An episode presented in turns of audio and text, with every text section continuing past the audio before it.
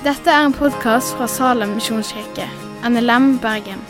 For mer informasjon om Salem, gå inn på salem.no.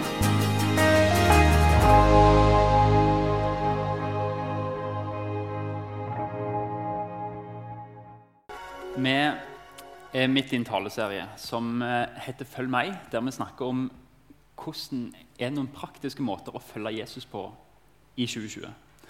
Og Måten vi gjør det på, er rett og slett å nesten skru tida litt tilbake og gå til kirkehistorien, men også til Bibelen, og se fins det noen åndelige disipliner. Og Det kan være litt skummelt for oss. Kanskje er vi redd for å, er det noe vi må gjøre som kristne. Er dette gjerninger? Men åndelige disipliner eh, har jeg oppdaga mer og mer når jeg har forberedt meg til denne taleserien, er, det er verktøy som hjelper oss til å sitte ved Jesu føtter. Det er verktøy som hjelper oss, som åpner opp for at Den hellige ånd kan få virke i oss. Det er noe som Gud har gitt oss, og som Jesus viste disiplene sine. Og som vi skal få lov til å ta videre. Når Jesus sa 'følg meg', så sa han ikke bare 'gå etter meg', men han sa 'lev med den livsrytmen som jeg har'. Og Det er litt det vi snakker om, og det vi skal snakke om i dag, er å senke tempoet. Og Det er litt beslekta med det vi hørte sist gang om sabbat. Vi har hørt om stillhet og alenehet og bønn. Og så henger disse litt sammen. Men målet i dag er å se hadde Jesus en måte å takle travelheten på, eller hva tenkte han om det? I 1895, før Internett, før data, før fly, før bil, eh, så sa Charles Wagner, eh, en, en fransk pastor, han skrev det Verden vil aldri senke tempoet for oss. Denne verden vil nådeløst dra deg inn i sin bane og tvinge deg til å leve i sitt tempo. Og vi vil bli byttet for verdens metronom med mindre du intensjonelt endrer på rytmen. Hvem er det du ser for deg når jeg sier 'avhengig'? Egentlig så i forhold til avhengighet som vi kanskje ikke ser, avhengighet av travelhet og støy, så er det egentlig sammenlignet med det ganske få som er avhengig av rus. Når vi ser på måten vi lever livet vårt på, måten vi skynder oss på, måten vi soner ut når vi ser på telefonen vår, selv om vi er sosiale, og måten vi fyller vår kalender på og distraherer oss sjøl med forskjellige medier, så kan vi si at det er flere mennesker i dag som er kommet inn i et sånn avhengighetsskapende grep av travelhet, støy og stimuli. Det må skje noe. Kanskje vi er redde for hva som skjer hvis vi er stille. vet ikke. Men avhengigheten sin kraft den bor alltid i løgnene som avhengigheten forteller oss. Og Det å være avhengig av tempo, at det skal gå så fort, og, og vi ikke engang ser det, men løgnene Den avhengigheten forteller oss. Det viser meg i hvert fall at jeg er litt i det grepet. Men løgnene er du er viktig hvis du produserer noe. Du har ikke tid til å hvile. Du må multitaske. Du har nok med ditt eget liv her og nå. Ikke se til sida. Du er viktigere. Du må nå dine mål. Og avhengighet, uavhengig av hva vi er avhengig av, det er dehumaniserende, det ødelegger sjeler. Og Folk som er avhengige, mister evnen til å regulere seg sjøl. Og til slutt så er det en sånn stimuli som bestemmer alt vi gjør. Det var godt å få en pling på telefonen. Det gjorde noe med meg. Jeg følte meg verdsatt. Det var godt å få krysse av alle de tingene på den lista. Avhengighet kan endre måten vi oppfører oss på, men når vi er avhengig av noe, så er det sjelden positive endringer. Det går utover relasjon til familie, venner og til Gud. Alle lider. Og Det er ingen tvil om at Jesus var en mann som mange ville snakke med. Mange ville høre, mange ville invitere han. Og Når han leser evangeliene, så ser jeg at det er mange som ha tak på Jesus. Allikevel så har han en livsrytme som virker som om han nekter å bli opphengt i travelheten. Når jeg leser Bibelen og prøver å se for meg hva som skjer i denne scenen, så har jeg aldri sett for meg Jesus stressa eller travel. Og Det tror jeg er fordi at det inntrykket får vi ikke av tekstene. Fordi Jesus hadde en måte å leve på der det ble hindra. Vi har allerede hørt om bønn. hans bønnevane, hans vane til stillhet, hans vane til å gå alene, til å hvile, til å ha et enkelt liv, skal jeg snakke om neste gang. Neste søndag. Alt dette åndelige disipliner som hjalp Jesus til å leve i en balanse av det å være travel eller være menneske og det å tjene Gud. Og der han prioriterte hva liv er det jeg vil ha. En livsrytme han kalte sitt åk, eller sin lære. Som han sa mitt åk er godt, og det er lett. Og Kanskje når vi snakker om de åndelige disiplinene som hviler, sånn, så ser vi at oi, den rytmen som Jesus lærer disiplene sine, det er sannelig lett. Når vi først greier å sette oss med hans bein. Det er vanskelig å kutte ut alt, men, men når vi ser det, så er det, det er godt å være her og hvile. I dag skal vi se på en åndelig disiplin som åpner muligheten for å se andre mennesker. For å være til stede for både seg sjøl og sin neste. Og dermed egentlig en åndelig disiplin som kan hjelpe oss til å oppfylle den guddommelige loven med at vi skal elske vår neste som oss sjøl og elske Herren vår Gud av hele vårt hjerte. Og For å kunne gjøre det så trenger vi faktisk tid. For det å elske sin neste, det krever tid. Elsk de neste som deg sjøl, og elsk Herren i Gud av hele ditt hjerte. På det lover hele loven og profetene. Det er det gode. Jag etter det.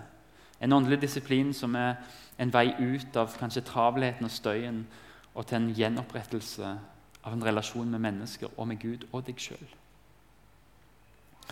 Måten vi skal gjøre på det, det er faktisk litt todelt. Det er en tekst vi skal se hvordan Jesus takler det å være i en situasjon som jeg ville opplevd som veldig stressende. Der det er forskjellige konflikter og interessekonflikter som vil ha tak i en. Og så etterpå se litt, Fins det noen praktiske måter vi kan noen verktøy vi kan bruke for å kanskje komme ut av det grepet der vi hele tida bare blir pusha inn i hverdagen. Så prøv å lande litt praktisk. Teksten er at Jesus møter Jairus. Vi skal slippe å reise oss i dag, for jeg skal lese den litt sånn stykkevis. Men Jairus er en synagogeforstander. Han er en gudfryktig mann. Han er respektert og rik og viktig. Det vet vi fra samtida til Jesus, at en synagogeforstander var viktig. Og når han snakka, så hørte hele samfunnet. Vi leser fra Markus 5. Da Jesus var kommet over til den andre siden igjen med båten, samlet det seg en stor folkemengde hos ham. Mens han var nede ved sjøen, kom en av synagogeforstanderne. Han het Jairus. Da han fikk se Jesus, kastet han seg ned for føttene hans og bønnfalt ham. 'Min lille datter holder på å dø. Kom og legg hendene på henne, så hun kan bli frisk og få leve.' Jesus gikk med ham, fulgt av en stor folkemengde som trengte seg inn på ham. Denne lille jenta kommer til å dø ved mindre Jesus skynder seg. Det er ordet og det språket som Jairus bruker. Og tenk på Jairus. Det eneste håpet han har for denne lille jenta som han er så glad i, det er at Jesus kommer og helbreder. Og så vrenger magen seg bare, i frykt. Bare tenk om Jesus ikke kommer fort nok. Tenk om hun dør før Jesus kommer. Så de skynder seg av gårde så fort som Jairus har frimodighet til. En rabbiner som alle vil ha tak i. Jesus, du må komme fort, fort, fort. Ikke tenk på folkemengden. Men det er en stor folkemengde som følger etter. Som er gira på se enda et mirakel. Og der leser vi videre. Det var en kvinne der som hadde hatt blødninger i tolv år. Hun hadde lidd mye hos mange leger. Alt hun eide, hadde hun brukt uten å bli hjulpet. Det var heller blitt verre med henne. Hun hadde fått høre om Jesus og kom nå bakfra i folkemengden og rørte ved kappen hans. For hun tenkte om jeg så bare får røre ved klærne hans, blir jeg frisk. Med en gang stanset blødningen, og hun kjente på kroppen at hun var blitt helbredet for plagen. I det samme merket Jesus at en kraft gikk ut fra ham. Jesus merka noe her i folkemengden. Et behov. Noen som trenger meg. En som var desperat. Og Han snudde seg i folkemengden og sa, 'Hvem rørte ved klærne mine?' Disiplene sa du ser hvordan folk trenger seg inn på deg. Så spør du hvem som rørte ved deg. Men Jesus så seg omkring for å få øye på den som hadde gjort det. Kvinnen skalv av redsel, for hun visste hva som var skjedd med henne. Og Hun kom og kastet seg ned for han og fortalte ham alt som, var, som det var. Da sa han til henne, 'Din tro har frelst deg, datter.' Gå bort i fred, du skal være frisk og kvitt plagen din. Jesus stopper opp. Det følget som skyndte seg til Jairus for å redde denne dødssyke jenta så stopper han opp.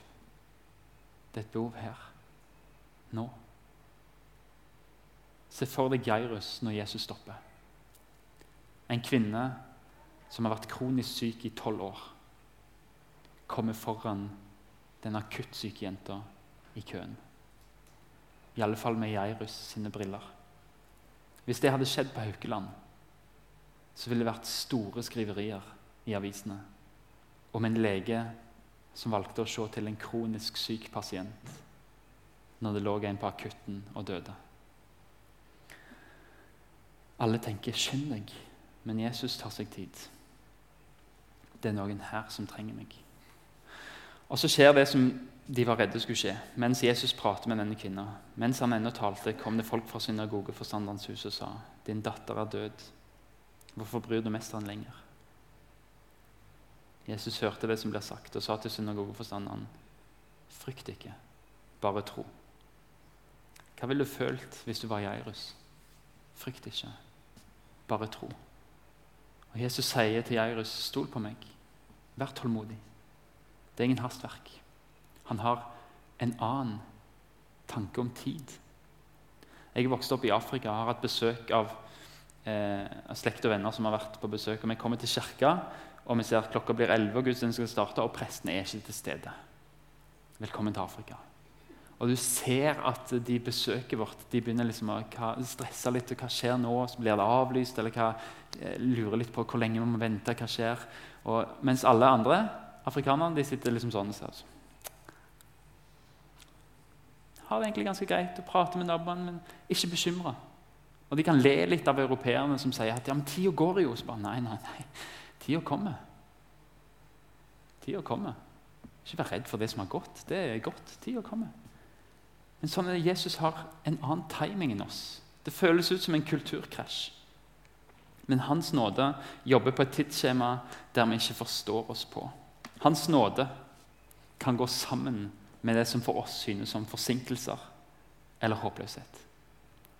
Jesus lar seg ikke skynde på, og det får oss til å føle oss som Jairus. Utålmodige, irriterte, spørrende og tvilende. Hvorfor kommer du ikke, Jesus?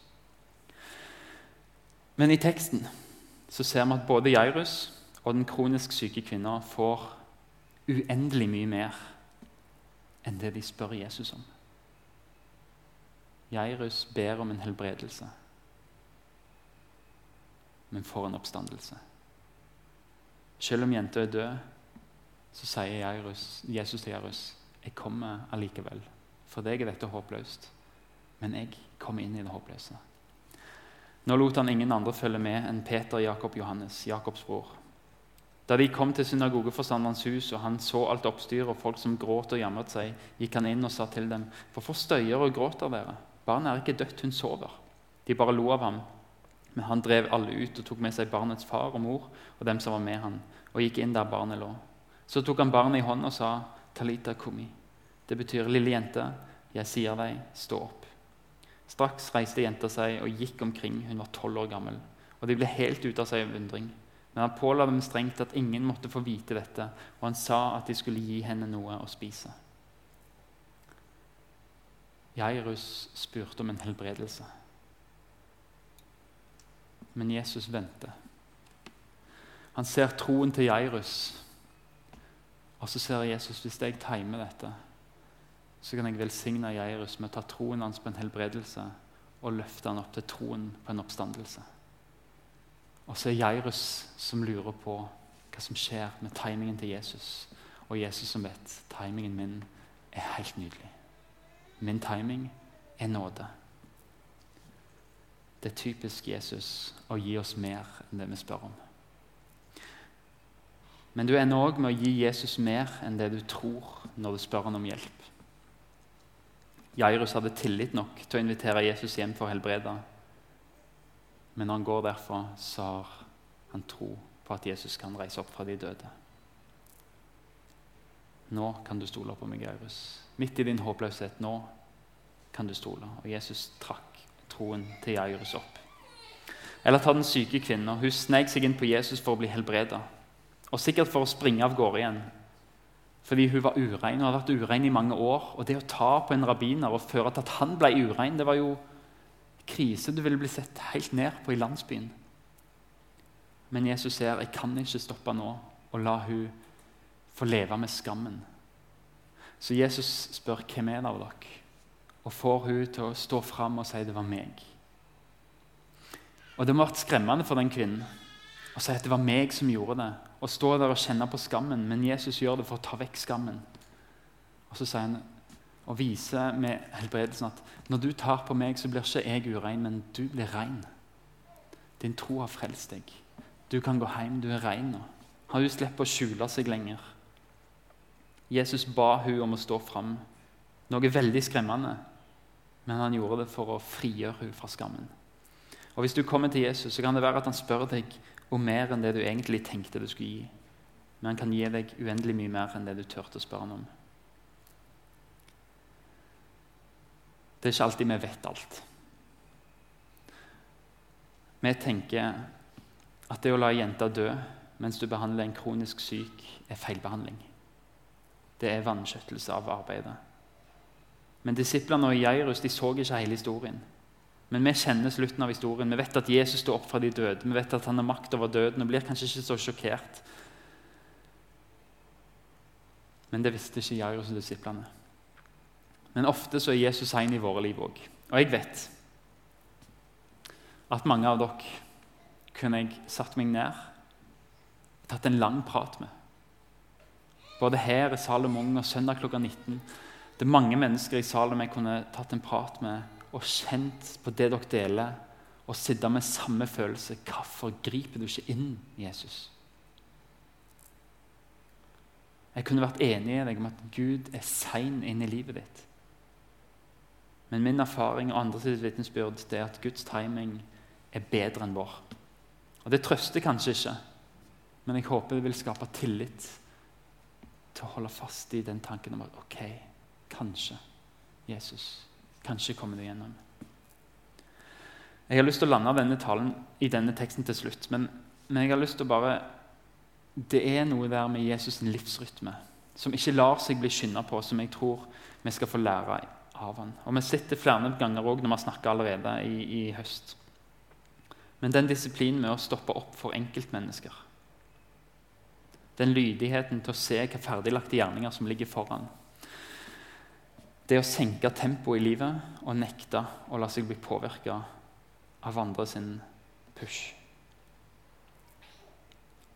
Flere som jobber med åndelige disipliner, de ser plutselig nå at i vår tidsalder så reiser det seg opp en ny åndelig disiplin, som er nettopp det å senke tempo, eller slowing. Det er en ny disiplin som formes i kristenheten, som er et svar på livet.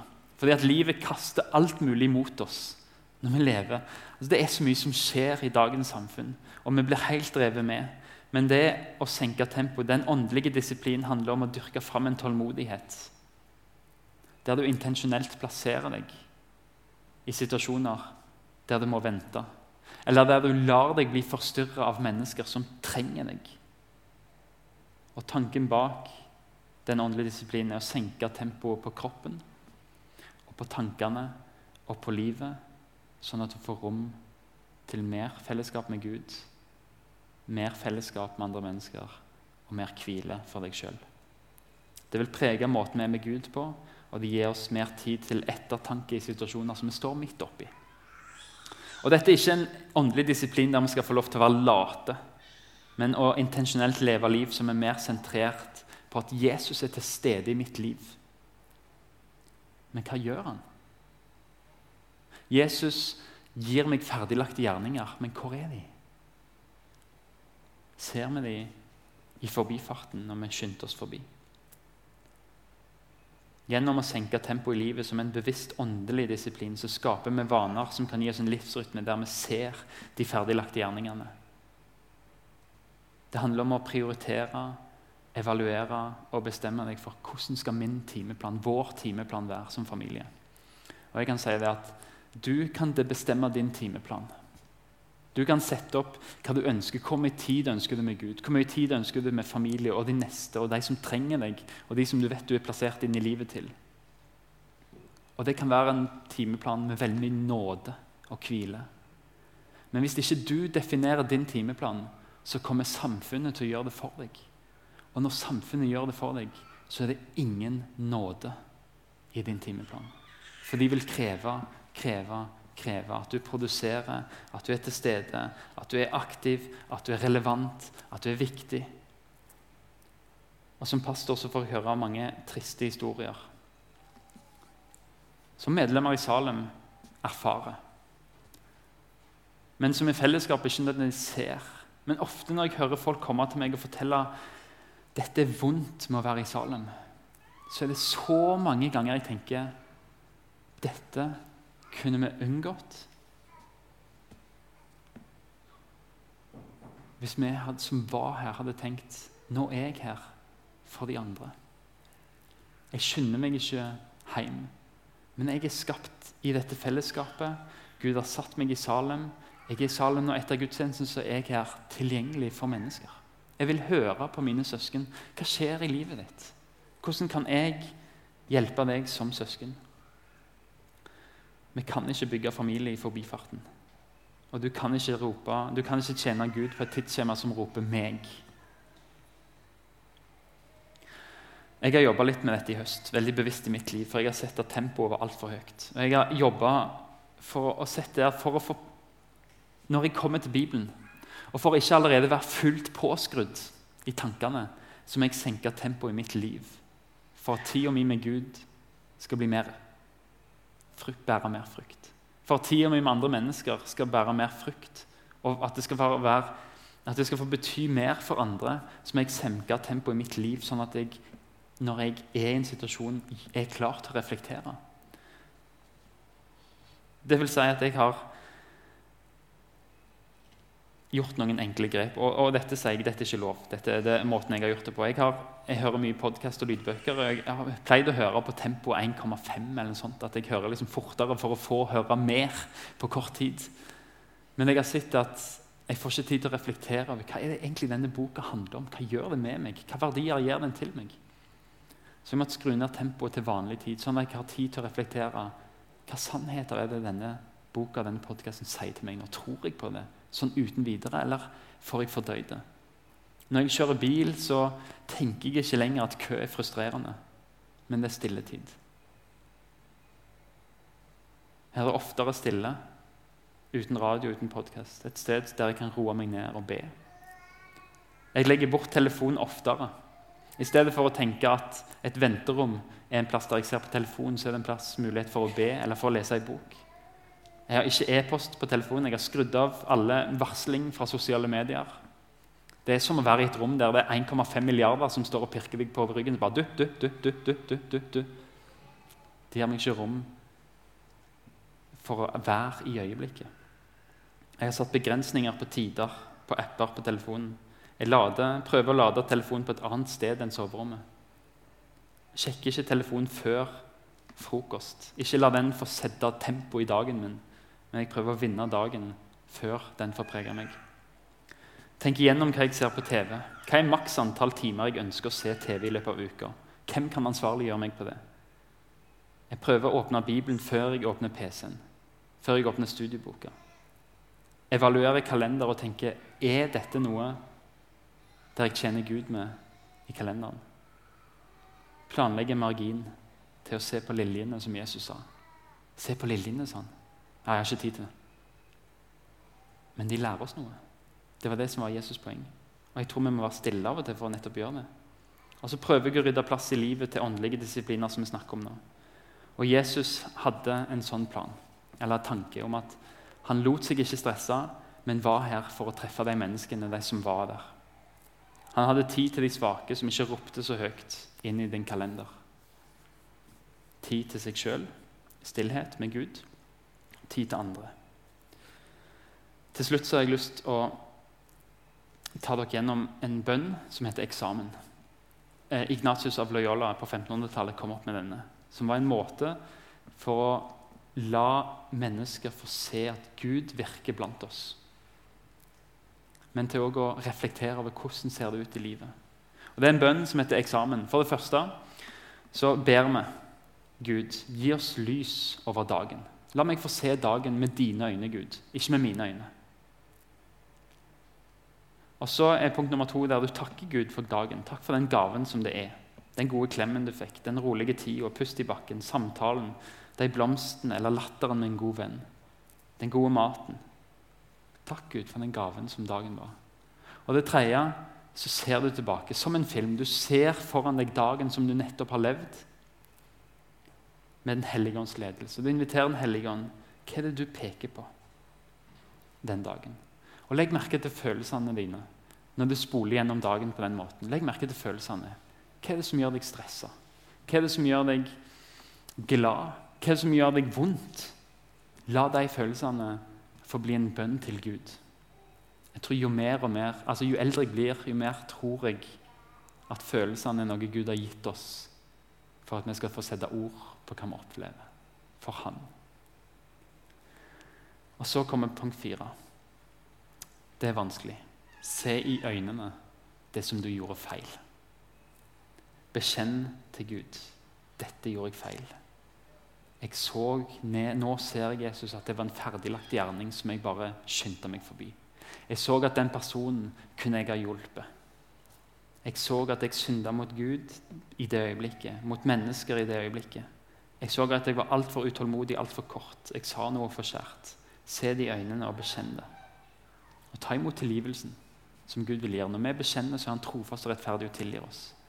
Og så er det siste punktet se fram til i morgen. Hva vil du gjøre annerledes? Ved Guds hjelp, ved Den hellige ånds hjelp. La Guds nærvær få være en sannhet som taler til deg. Vi vet intellektuelt at Gud er med oss. Men ta tak i de løftene. Gud sier 'Jeg vil være med deg, jeg svikter deg ikke og forlater deg ikke', men så glemmer vi det. Og vi fanges i gjøremålet vårt og hastverket. Og vi glemmer at Gud er med oss, at Gud elsker oss, leder oss, støtter oss. Og i øvelsen i eksamen, i denne bønnen, så ser vi fram til i morgen og sier 'Gud, du vil være der'. La meg få se når du ber meg stoppe opp. La meg få se. Du er der. Hva ser du, og hva gjør du? Det er en fin måte å avslutte dagen på. Alene eller sammen. Eksamen der du går gjennom dagen. Får bekjent det som er der. For, la det ligge. La syndene ligge. Strekk oss etter det som ligger foran, og si 'Gud, jeg vil gå med deg i morgen'. Det kan forandre ditt liv. Det kan forandre andre sitt liv ved Guds hjelp, med Guds nåde.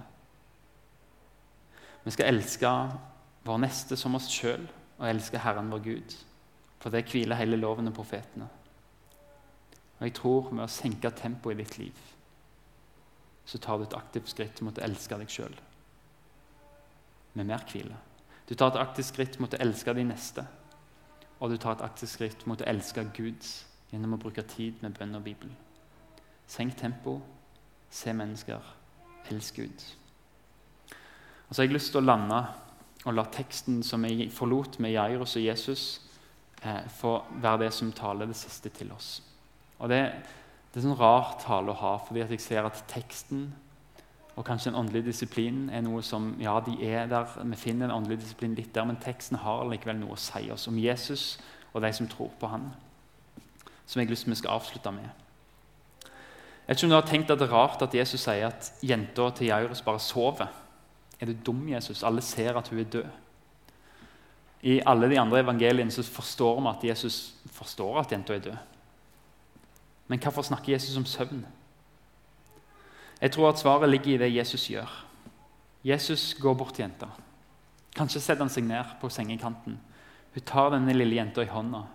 Varmt, ømt, kjærlig. Og så sier han to ting. Talita kumi. Talita det er et kjælenavn for ei lita jente. Et som mor ville brukt. Det betyr lille venn. Lille barn. Vennen min. Det er ikke sånn jente, men det er lille venn. Et kjælenavn. Og så sier han komi. Det betyr ikke oppstå fra de døde, men han sier våkn opp. Det som mamma og pappa ville sagt om morgenen. Jesus tar hånda og gjør det som foreldrene til den jenta ville gjort en vanlig dag. Lille venn, det er tid for å stå opp. Og hun står opp.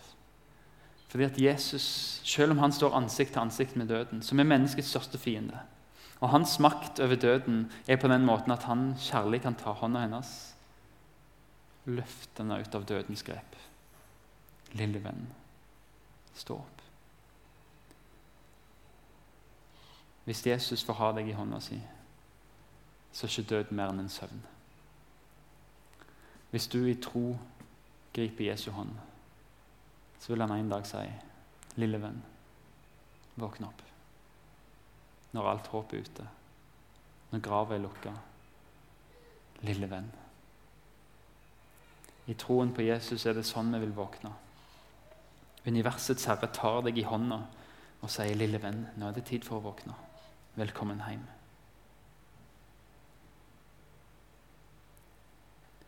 Det er ingenting som er så skummelt for et lite barn å miste hånda til mamma og pappa i mørket. Men det er ingenting i forhold til Jesu eget tap. Som på korset, der Gud slapp hånda hans. Og Jesus ropte, 'Min Gud, min Gud, hvorfor har du forlatt meg?' Og han gikk inn i grava, men viste seg som seierherre over døden. Jesus mista fars hånd fordi at der mista han den hånda for oss, for alt vi har gjort. Alt som sto mellom oss og Gud, som førte til at Gud ikke kunne gripe hånda vår pga. vår synd og vår skyld, det fjerna Jesus. Og så tok Jesus den forlatelsen og forlot, far forlot han. Men han gjorde det for at du aldri i evighet skal slippe å miste Guds hånd. Han vil ikke forlate deg, ikke engang i døden.